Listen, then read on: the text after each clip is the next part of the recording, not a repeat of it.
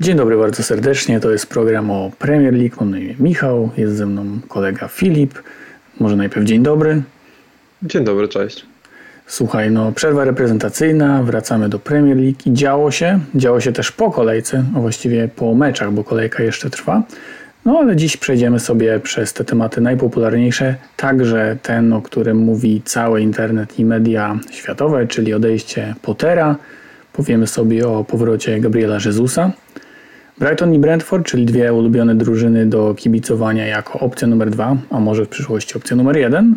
Manchester United, który zajechany był bardzo w starciu z Newcastle, ale nie mamy nic na ich usprawiedliwienie. No i temat na koniec, Bournemouth. Chcieliśmy ich trochę pochwalić, bo okazało się, że w statystykach nie ma trochę za co, no ale już poszło, także o Bournemouth też będzie. No i panie Filipie, stęskniłeś się po oglądaniu meczów, meczach reprezentacji? Tak, no ja w przerwie reprezentacyjnej oglądałem tylko mecze Polaków i po meczu z Albanią zastanawiałem się, czy jeszcze lubię piłkę nożną. No ale potem wróciło poważne granie, kilka meczów na wysokim poziomie. Pooglądałem sobie, jak można grać w piłkę, gdy jest się Manchesterem City i zajawka w 100% wróciła. Trochę inaczej niż chyba u Grahama Pottera, któremu pewnie ta przerwa reprezentacyjna akurat się bardzo podobała. Myślałem, że powiesz trochę inaczej niż u kibiców Liverpoolu a propos tej zajawki na Manchester City, ale cieszę się, że tego nie poruszyłeś. Możemy jeszcze powiedzieć, że fajnie by było, jakbyście kliknęli lajka. To cenne, ważne, przyda się, miłe. Subskrypcja może też. No i cóż, możemy przejść w takim razie do rzeczy ważniejszych. To są menedżerowie z największym stażem w Premier League i tylko dodam, że na dziewiątym miejscu jest Erik Ten Hag, a więc trener zatrudniony przed tym sezonem. No, bardzo szybko to poszło, skoro e, mamy już Ten Haga w dziesiątce najdłużej pracujących trenerów. Mm, trup, jeśli chodzi o menadżerów Premier League w tym sezonie, ściele się gęsto i nie oszczędza też największych nazwisk, bo wśród zwolnionych mamy kilku wyjadaczy i to takich na scenie europejskiej, a nie tylko brytyjskiej. Powiedziałbym, że ten liderujący w tym zestawieniu też ma swoje problemy, ale tak jak mówisz, aż 13 menedżerów straciło pracę w tym sezonie. Tutaj jest cała lista z BBC. Już nawet zapomniałem, że w pewnym momencie ligę zaczynali tacy e, trenerzy jak Scott Parker, który został też później zwolniony z Brugi, Steven Gerrard. No i Chelsea pierwszy raz w swojej historii dwukrotnie zmieniło menedżera. Może się tak okazać nawet, że czterech czterech jegomości poprowadzi Chelsea w meczu ligowym. No, Bruno Saltor, czyli były piłkarz Brighton, jest tymczasowym menedżerem Chelsea.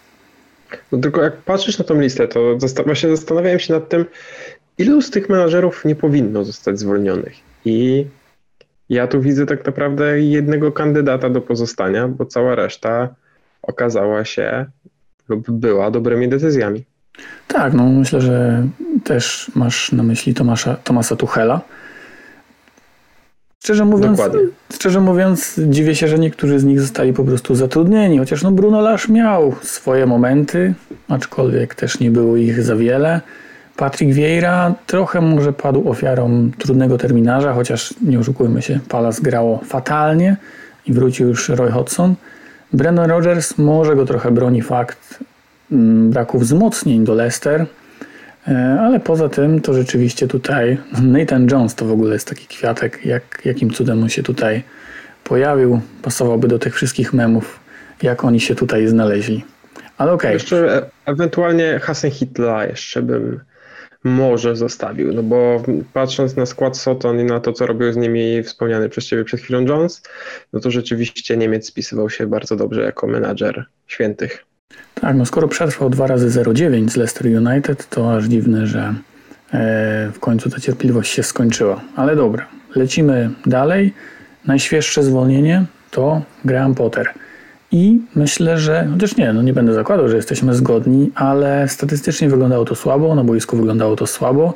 Natomiast myślę, że jeśli ktoś zna Premier League, nie wiem, czy mam tutaj, e, czy tutaj można powiedzieć tak o właścicielu Chelsea, ale Potter bardzo powoli rozkręcał się w Brighton.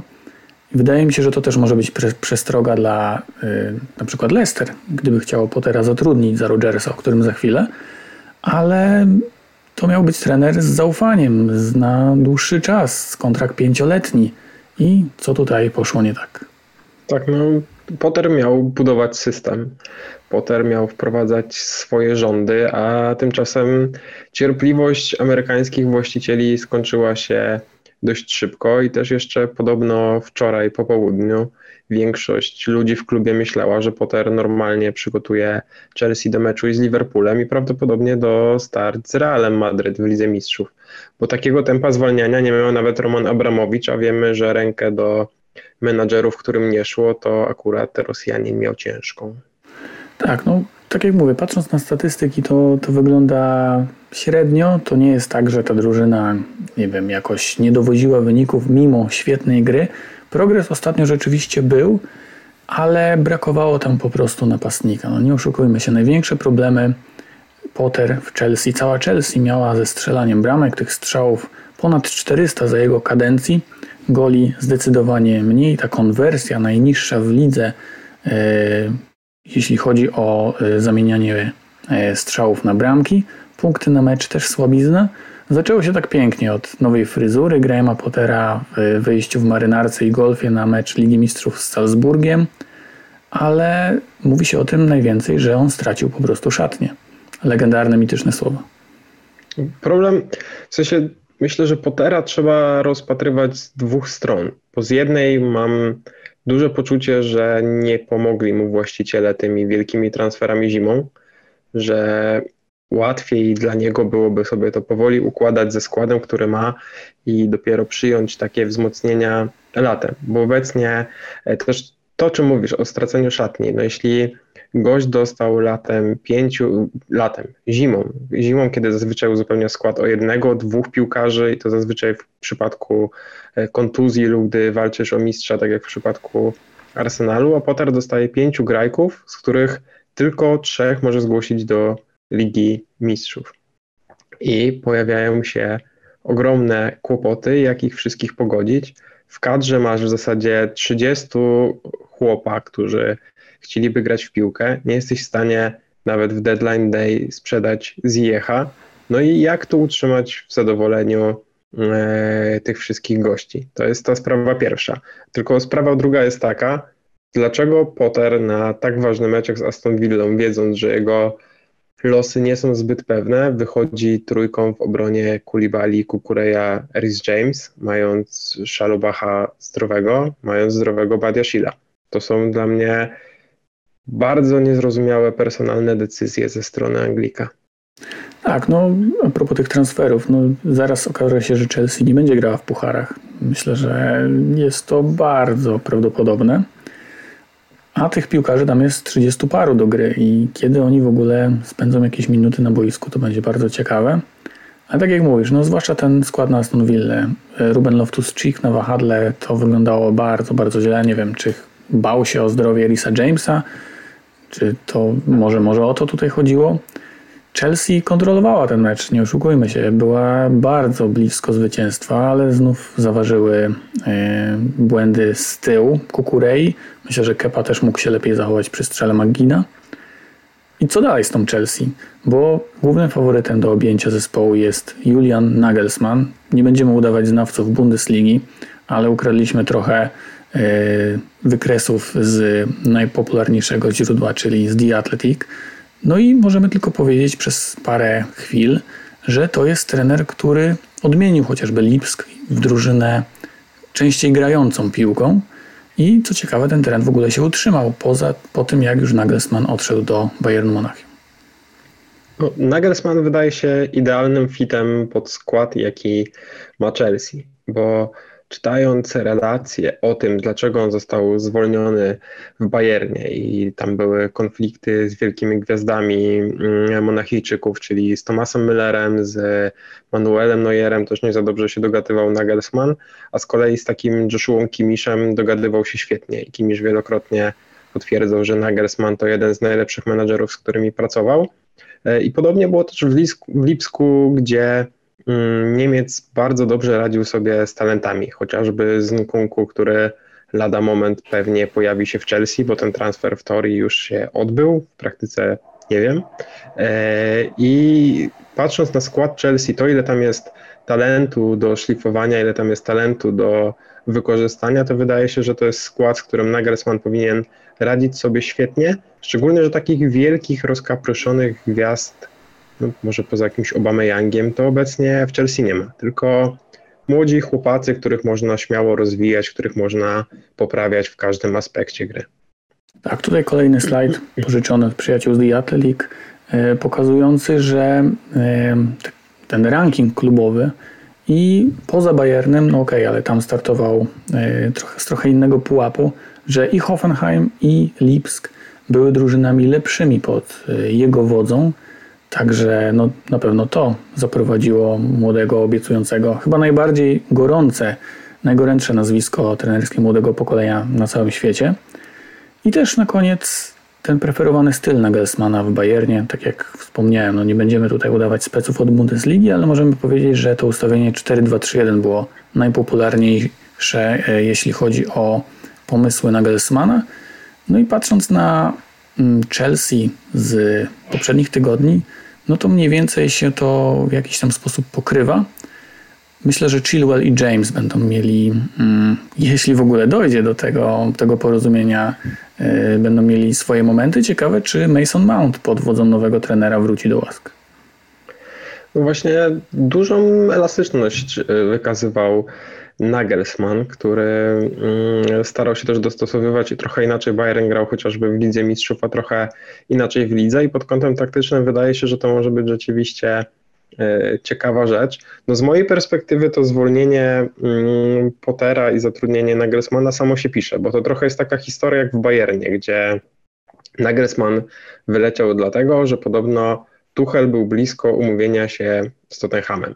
A jeśli Tuchel umawia się z Tottenhamem, to Bayern traci swojego wymarzonego trenera, o którym marzył już od dawna. No i wtedy naciskają spust, e, Nagelsmann żegna się z pracą, Tuchel się wita. No i wydaje się, że to może być podobny przypadek i w Chelsea tylko czekali na to, by Nagelsmann e, się zwolnił na rynku menadżerskim i dostanie tutaj pracę. Tylko no pytanie, czy Nagelsmann zgodzi się przyjść tutaj przed Lipsem, no i też pytanie, czy Niemiec nie będzie czekał na chociażby Real Madryt, bo na tym rynku trenerskim będzie się działo dość ciekawie po zakończeniu tego sezonu. Nie wiadomo, czy w Liverpoolu na przykład nie zwolni się miejsce, tak abstrahując.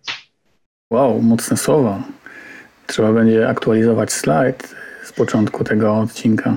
Ale dobrze, powiedzmy też jeszcze trochę o Brendanie Rodgersie, bo on był bardzo, bardzo długo w Leicester i myślę, że już nawet mało kto pamięta o tym, że Brendan Rodgers dwukrotnie zajmował piąte miejsce z tą drużyną, które i tak było ostatecznie uznawane za porażkę, bo Rodgers był blisko Ligi Mistrzów. No i warto też dodać, że Lisy pod wodzą byłego szkoleniowca Liverpoolu wygrały Puchar Anglii. No i Puchar Anglii, jeszcze Community Shield, to bodajże po pięknym golu Tillemansa?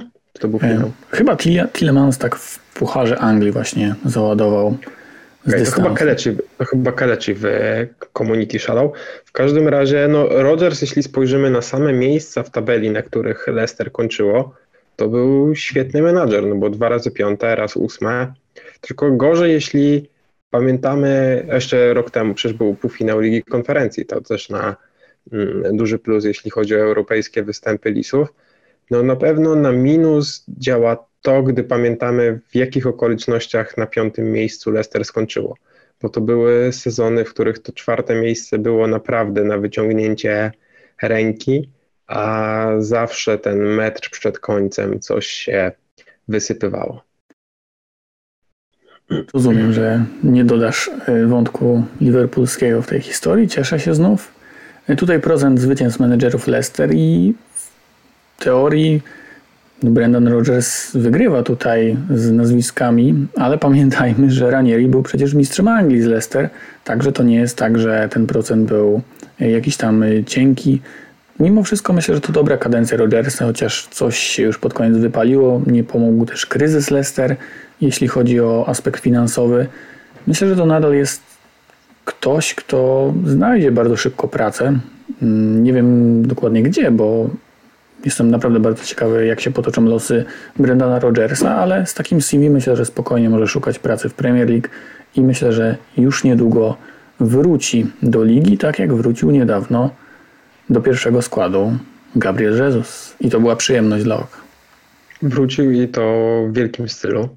E, przerwał swoją passę bez gola, która trwała dokładnie 182 dni, 1 godzinę i 59 minut. No była nawet taka strona Zegar Jezusa, która wyliczała, jak długo bez bramki pozostaje Brazylijczyk. No i wiadomo, że tutaj ogromny wpływ miała na to yy, poważna kontuzja, ale jeśli spojrzymy na to, ile meczów ligowych bez trafienia zanotował Jezus, to jest to zaskakujące. Z tym, że brak goli w żaden sposób nie wpływa na to, jakim Jezus jest piłkarzem, a moim zdaniem jest najważniejszym piłkarzem dla poza Saką, dla funkcjonowania ofensywy Arsenalu i też takim piłkarzem, który potrafi zrobić coś z niczego, który w chaosie potrafi wejść w dribbling, trochę tak jak z Leeds, gdzie Arsenal wcale nie grał wybitnie, e, tam Summerville kilka razy lewą stroną zagroził, no ale Gabriel Jesus wziął piłkę, położył jednego, położył drugiego, Eiling stracił głowę, mamy rzut karny 1-0 dla Arsenalu i potem wszystko układa się już po myśli kanonierów. Tak, złośliwi powiedzą, że potrzebował rzutu karnego, żeby się przełamać, ale pamiętajmy, że on tego karnego wywalczył. No świetny to był mecz, naprawdę spoglądało się na niego, kiedy schodził do środka pola rozgrywać, czy zaczynając driblingi, to było naprawdę wspaniałe. Jego współpraca z Trossardem też super, co widzieliśmy przy bramce. E, ty jesteś tutaj wielkim fanatykiem strony FBREF, ja trochę mniejszym, ale też ale pokazuje ona po prostu to, że Jezus jest napastnikiem fantastycznym i to jest ogromne wzmocnienie Arsenalu przed tą kluczową fazą sezonu. No, Jezus jest dobry we wszystkim tak naprawdę, bo jest y, świetny na piłce, całkiem nieźle radzi sobie też w y, powietrznych pojedynkach, świetnie drybluje, ma 5 asyst w tym sezonie. Pod kątem liczby kluczowych podań jest na podobnym pułapie co Harry Kane, a umiejętnościami Harry'ego Kane'a w rozegraniu w tym ostatnim podaniu wszyscy się zachwycamy. I też taka ciekawostka, Gabriel Jesus jest drugim najlepiej dryblującym piłkarzem Premier League po Alanie Saint-Maximenie. I choć nie ma takich efektownych dryblingów w sensie nie pokonuje tak dużych przestrzeni z piłką jak Francuz, to jednak na tej mniejszej przestrzeni, na tych polach na 20, 16 metrze świetnie odnajduje się w tłoku i tam te jego umiejętności techniczne są czymś kapitalnym dla Arsenalu i dla stwarzania zagrożenia. No też ta jego współpraca z Martinellim na początku sezonu to było coś, co tak naprawdę napędziło również drugiego Brazylijczyka. Tak, no byłem zaskoczony, że on dopiero ma 26 urodziny. A tutaj kolejny tytuł mistrzowski się zbliża, idziemy dalej. Jeszcze dodam jedną rzecz o Jezusie. Cofamy. Bo tak, sorry. E, bo też e, Jezus, to tak, tak jak wspomniałem o driblingach, ale on też jest bardzo często faulowany. W zasadzie tylko Zacha i Grealish są faulowani częściej niż Gabriel Jesus i tak naprawdę jedyną słabością Brazylijczyka jest wykończenie. No bo tak jak mówiliśmy o tej posłusze bez gola, no to w modelu XG jest o 4,73 poniżej tego, ile bramek zdobyć powinien. Czyli zamiast 7 powinien mieć w zasadzie 12, patrząc na sam model. Tylko na pocieszenie dla kibiców Arsenalu Nketiah w tej statystyce jest jeszcze gorszy, bo ma ponad 4,8 e, mniej goli niż mieć powinien. Także no tutaj wzmocnienie Jezusa powinno być spore. Czyli Balogun jednak zostaje w kadrze na przyszły sezon. Trzeba by sprawdzić jego expected goals i trafienia, ale coś czuję, że może być wysoko ponad statystykami, patrząc na tabelę strzelców Ligi Francuskiej. Możemy przejść do Brighton i Brentford? Już jest zgoda w pełni. Już nie mam więcej. Nie ma więcej nic do dodania, ale możesz powiedzieć coś o tych dwóch dżentelmenach, bo myślę, że tak jak Potter stał się trochę rozczarowaniem, to nie przypominam sobie takiego przejęcia zespołu w środku sezonu, jakie zrobił Roberto De Zerbi. No może Roy Hodgson to wyrówna, wygra wszystkie mecze do końca sezonu i wprowadzi Palas do top 10, ale to, co robi były menedżer Sassuolo i Szachtara Donieck, to jest jedno wielkie wow. Bez wątpienia to jest fenomen, no bo gdy De Zerbi przejmował Brighton, no to mówiło się o tym, że e, po pierwsze będzie potrzebował czasu, po drugie Brighton na 90% będzie gorsza niż Zapotera. A Brighton nie tylko nie jest gorsze, ale dalej aspiruje do Ligi Mistrzów i też styl gry MEF jest jeszcze bardziej efektowny, no bo teraz mieliśmy w sobotę starcie właśnie dwóch drużyn, które są w top 10, które totalnie różnią się stylem gry, no i tak jak Michał wspominał, to są takie idealne drużyny na drugie miejsce, że masz tam tą swoją ulubioną ekipę z top 6, no ale jest jeszcze ta, ten kopciuszek, któremu kibicujesz. No i widzimy, jak one się różnią, jeśli chodzi o tempo gry, jeśli chodzi o liczbę podań i sposób budowania akcji, że Brighton robi to raczej wolno, krótkimi podaniami, a Brighton to jest gra bardziej bezpośrednia, zgrywanie e, piłki głową przez Toneja mm, i wykorzystywanie stałych fragmentów gry. Także co kto woli, ale obie drużyny są w tym świetne. Tak, tutaj jeszcze na tej grafice jest Manchester City gdzieś daleko, daleko, nisko i po prawej, ale Brighton to taka na razie trochę kopia mini Manchester City. Brentford, tak jak mówisz, no Tonej z lewej strony Mbemo, ewentualnie Wissa i, i też Rico Henry na wahadle, także tam dzieje się to wszystko bardzo, bardzo szybko. Wspomniałeś o stałych fragmentach gry, proszę bardzo. Brentford zdobyło ich już, e, zdobyło 20 bramek po e, właśnie ze stojącej piłki. Pamiętamy o tym, że Pep Guardiola bardzo dużą uwagę przywiązywał do tego, że City nie punktuje właśnie ze stałych fragmentów. City też się polepszyło, ale ekipa Tomasa Franka to jest po prostu wzór. No i widzieliśmy też to w poprzedniej kolejce, kiedy Tom Bemo dograł do... Do kogo on tam dograł? Do Pinoka? Czy to... Tak, do Pinoka. Do Pinoka. poszło. Tak, to Pinok zamknął to dośrodkowanie. 20 bramka po, stałym, po stałych fragmentach i przewaga dość duża nawet nad resztą stawki. No, zachwycaliśmy się kilkukrotnie e, na naszym kanale tym, jak stałe fragmenty wykonuje Tottenham, no a Brentford jest w tym jeszcze lepsze. I doskonałe dośrodkowania i z rzutów wolnych, no i też rzuty z autów, które tutaj są mocną bronią ekipy pszczół, pokazują, że każdy stały fragment gry można wykorzystać, że auty też są powtarzalne i można mieć na nie pomysł i niekoniecznie musi to być długa wrzuta imienia, kto to tak wrzucał, takie oszczepy. Rory Delap. Rory Delap, tak, no to imienia to niego Polisa, tylko można też y, mieć na to kilka innych pomysłów. Tak, no w ogóle tak patrząc sobie na Matiasa Jensena, on ostatnio się y, przełamał, to może złe słowo, ale punktuje aż miło w klasyfikacji kanadyjskiej. Nie pasuje się trochę do tych wszystkich dryblasów stojących wokół niego w momencie, kiedy e, Brentford pozuje do zdjęcia przed meczem. E, wracamy do Brighton, no i tutaj wszyscy wiemy, że scouting tego klubu jest kosmiczny. To są chociażby ostatnie nazwiska, które opuściły tę drużynę. Zysk no, naprawdę fantastyczny.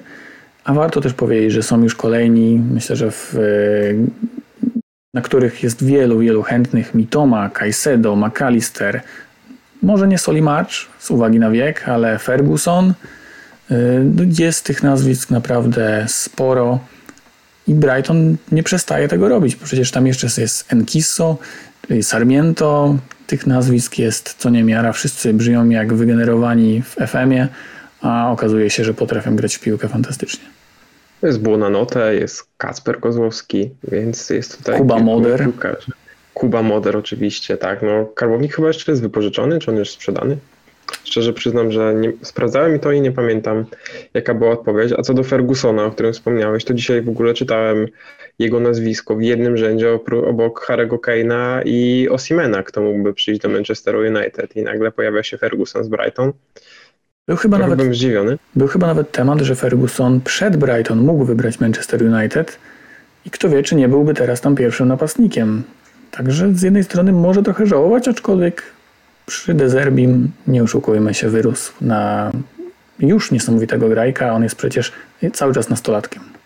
No też E, Caicedo mówiło się wiele o tym, że on przejdzie albo do United, albo do Liverpoolu przed Brighton, a skończyło się tym, że rozwija się w ekipie MEF. No i widać też to, jak ten scouting działa, że To nie jest tak, jak kiedyś kluby na przykład były wyspecjalizowane w jednym rynku, że ściągali zawodników tylko z Portugalii, czy ktoś miał scouting tylko na Amerykę Południową, no bo jeśli spojrzymy sobie na Brighton, no to mamy Mitome ściągniętego z Japonii, Stupinian, zastępstwo za Kukureję odpalone w zasadzie kilka godzin po transferze Hiszpana, ściągnięty z Ligi Hiszpańskiej. No mamy dużo talentów z Ameryki Południowej, jasne, no ale widać jak ten scouting jest różnorodny, są też piłkarze ściągani ze Skandynawii i nawet jeśli nie wszyscy z nich wypalą, no to patrząc na to, jak ten zysk wygląda tylko w tym sezonie, a i tak odmówili sprzedaży Caicedo, który pewnie za 70-75 milionów do Arsenalu by poszedł, to pokazuje, jak świetnie ten klub funkcjonuje i takie odejście Trossarda, który przecież był najlepszym piłkarzem Brighton, w zasadzie nie wpłynęło na jakość gry MEF. Przypomina się francuskie Newcastle albo portugalskie Wolverhampton, a tutaj okazuje się, że można mieć e, wszystkich tutaj chłopaków z Erasmusa i gramy o Ligę Mistrzów. Tabela za 2023 rok. Rozmawialiśmy o tym przed włączeniem przycisku Start, że można ją na wiele sposobów y, opisywać. Tutaj pasuje nam pod taką tezę, że Brentford i Brighton są na czwartym i piątym miejscu. Unai Emery i Aston Villa jeszcze y, rozdziela te dwie drużyny z tymi walczącymi o tytuł, ale oni też mają więcej spotkań od y, Pszczół i Mef. I cóż, możemy przejść do Manchester United, który wydaje się zajechany, wydaje się trochę dość dziwnie ustawiony w meczu z Newcastle, bo Bruno Fernandes, grający niżej od McTominaya, chyba jesteśmy zgodni, że to się nie udało. Tak, no tutaj problemem nie jest sam występ, może nie sama przegrana z Newcastle, no bo przegrać ze srokami na wyjeździe to nie jest żaden wstyd, ale wstydem jest to, w jaki sposób Manchester United się zaprezentował, bo to był tylko jeden celny strzał w tym meczu. Mm. I też holenderski trener i Luke po meczu potwierdzali, że to nie rozegrało się w kwestii umiejętności, ale w kwestii tego, kto bardziej chciał. A Newcastle chciało zdecydowanie bardziej. I tak naprawdę to jest czwarty z rzędu gorszy mecz Czerwonych Diabłów, więc to nie jest tak, że to jest jednorazowy wypadek, tylko słabo było też z Fulham do kartki Mitrowicza, słabo było z Soton i tam nie wszystko da się wytłumaczyć czerwoną kartką Casemiro, no a ten, te anomalie w meczu z Liverpoolem, no to wszyscy znamy. Tak, powiedziałeś o tym, co było, ale spójrzmy też na to, co będzie, bo kalendarz Manchesteru jest napakowany jak kabanos. Oni już grali przecież w finale Pucharu Ligi są cały czas w y, grze o Puchar Anglii. Przypominają trochę Liverpool z poprzedniego sezonu, gdzie oni wypełnili, można powiedzieć, wszystkie możliwe spotkania do rozegrania. W Lidze Europy Manchester też ograł przecież Barcelonę i będzie grał teraz z Sevillą. Tu są, tutaj są mecze co trzy dni non-stop, a wydaje się, że kadra nie jest tak silna, żeby ten hak mógł sobie swobodnie rotować. No McTominay, Weghorst, Antony jest w bardzo średniej formie. Okej, okay, miał kilka przebłysków, ale no, no nie, nie, nie, nie oszukujmy się. W obronie dziwna decyzja w ogóle pod koniec ze zmianą dwóch środkowych obrońców. I co tutaj się wydarzy? Czy będzie się ten hak bronił opinią Bruno Fernandesza, który mówi, że może grać co, codziennie, co chwilę albo trzy razy dziennie? Wygląda to niepokojąco z jednej strony ten hak mówił o tym, że e, dla niego nie ma problemu w tym, że grają co trzy dni, bo piłkarze na tym poziomie powinni móc e, tyle grać, im więcej grają, tym lepiej, bla, bla, bla. A z drugiej strony dochodziły takie sygnały, że Holender bardzo niechętnie patrzył na wyjazdy na kadrę reprezentacyjną i wolałby, żeby wtedy akurat piłkarze odpoczęli. Czyli gdy wygrywali chociażby nie wiem, z Nottingham pierwszy mecz w półfinale Carabao, czy gdy mieli łatwą sytuację w Lidze Europy po pierwszym meczu z Betisem, nie można było dać zawodnikom odpocząć, ale na kadrę, gdyby nie pojechali, to byłoby perfekcyjnie. No, to chyba nie jest problem tylko Manchester United. No jasne, że nie, tylko w Manchesterze jest to bardzo nasilone i tak jak przejdziemy sobie do kolejnego slajdu i zobaczymy, ile możliwego czasu w Premier League i w Lidze Europy rozegrał Bruno Fernandes, no to pojawia się pytanie, czy na pewno tyle akurat Portugalczyk musiał grać. Mm, no i też ostatnie rzucanie Fernandesza na różne pozycje, tak jak ta prawa, prawe skrzydło okazało się świetne, e, i z tamtej strony Bruno Fernandes potrafił posyłać rozrywające piłki. Tak granie nim tak głęboko, kiedy Fernandes bardzo średnio radzi sobie z piłkarzem na plecach, no bo to nie jest ktoś, kto z tą piłką się odwróci, nawet nie wiem, w porównaniu do Piotra Zielińskiego i patrząc na to, jak on sobie radzi pod presją, no to Fernandes woli być pił, z piłką przodem do bramki, mm, no to nie dało to ani płynności, a spowodowało tylko jeszcze kilka dodatkowych problemów pod własną bramką. Tak, no męczył się po prostu niewiarygodnie i aż męczyło oczy spoglądanie na niego w tej, e, na tej pozycji. No i jeszcze musimy powiedzieć o Manchester United i ich grze na wyjeździe, bo ta statystyka jest bardzo zaskakująca. No i w ogóle powiedzmy też, że Manchester ma bilans bramek plus 4. To jest jakiś absurd, jeśli mówimy o drużynie jeszcze przed chwilą walczącą o tytuł. No, skupmy się na tym, że walczyli o top 4. No, dalej walczą, tylko rzeczywiście jest to zaskakujące. To trochę jest takie porównanie do Liverpoolu, który też na wyjazdach gra Muszę się odkuć. Jakieś chwile sukcesu mi się należą. E, no ale rzeczywiście forma Manchesteru na wyjeździe może martwić, pamiętając chociażby o tym, że jadą na wyjazd do Chelsea, jadą na wyjazd do Tottenhamu, no i to wcale nie będą takie łatwe przeprawy. No i też jeśli sobie spojrzymy na to, ile oni zagrają w ty- meczów w tym sezonie, to może to być 65 meczów. I e, jak pomyślisz na przykład o tym, że jeszcze lada moment dojdą klubowe Mistrzostwa Świata, na których mają grać 32 kluby, to ja zastanawiam się, kto to pomieści, jak oni to wszyscy przetrwają, bo jest to naprawdę przerażające. I też w ogóle taka jedna ciekawa liczba, którą dzisiaj zobaczyłem, to Manchester United ma trzy punkty więcej niż rok temu na tym etapie sezonu. To taka ciekawostka w kontekście tego, czy jest rzeczywiście aż tak lepiej. Znam jedną drużynę, która sezon wcześniej rozegrała 65 spotkań.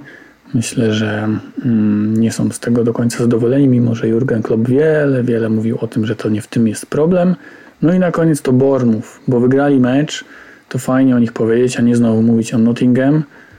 Gary O'Neill, niełatwo było znaleźć jego zdjęcie w internecie. Oczywiście pod tezę tabela za 2023. Bournemouth na 16 pozycji. Gratulacje dla tego zespołu.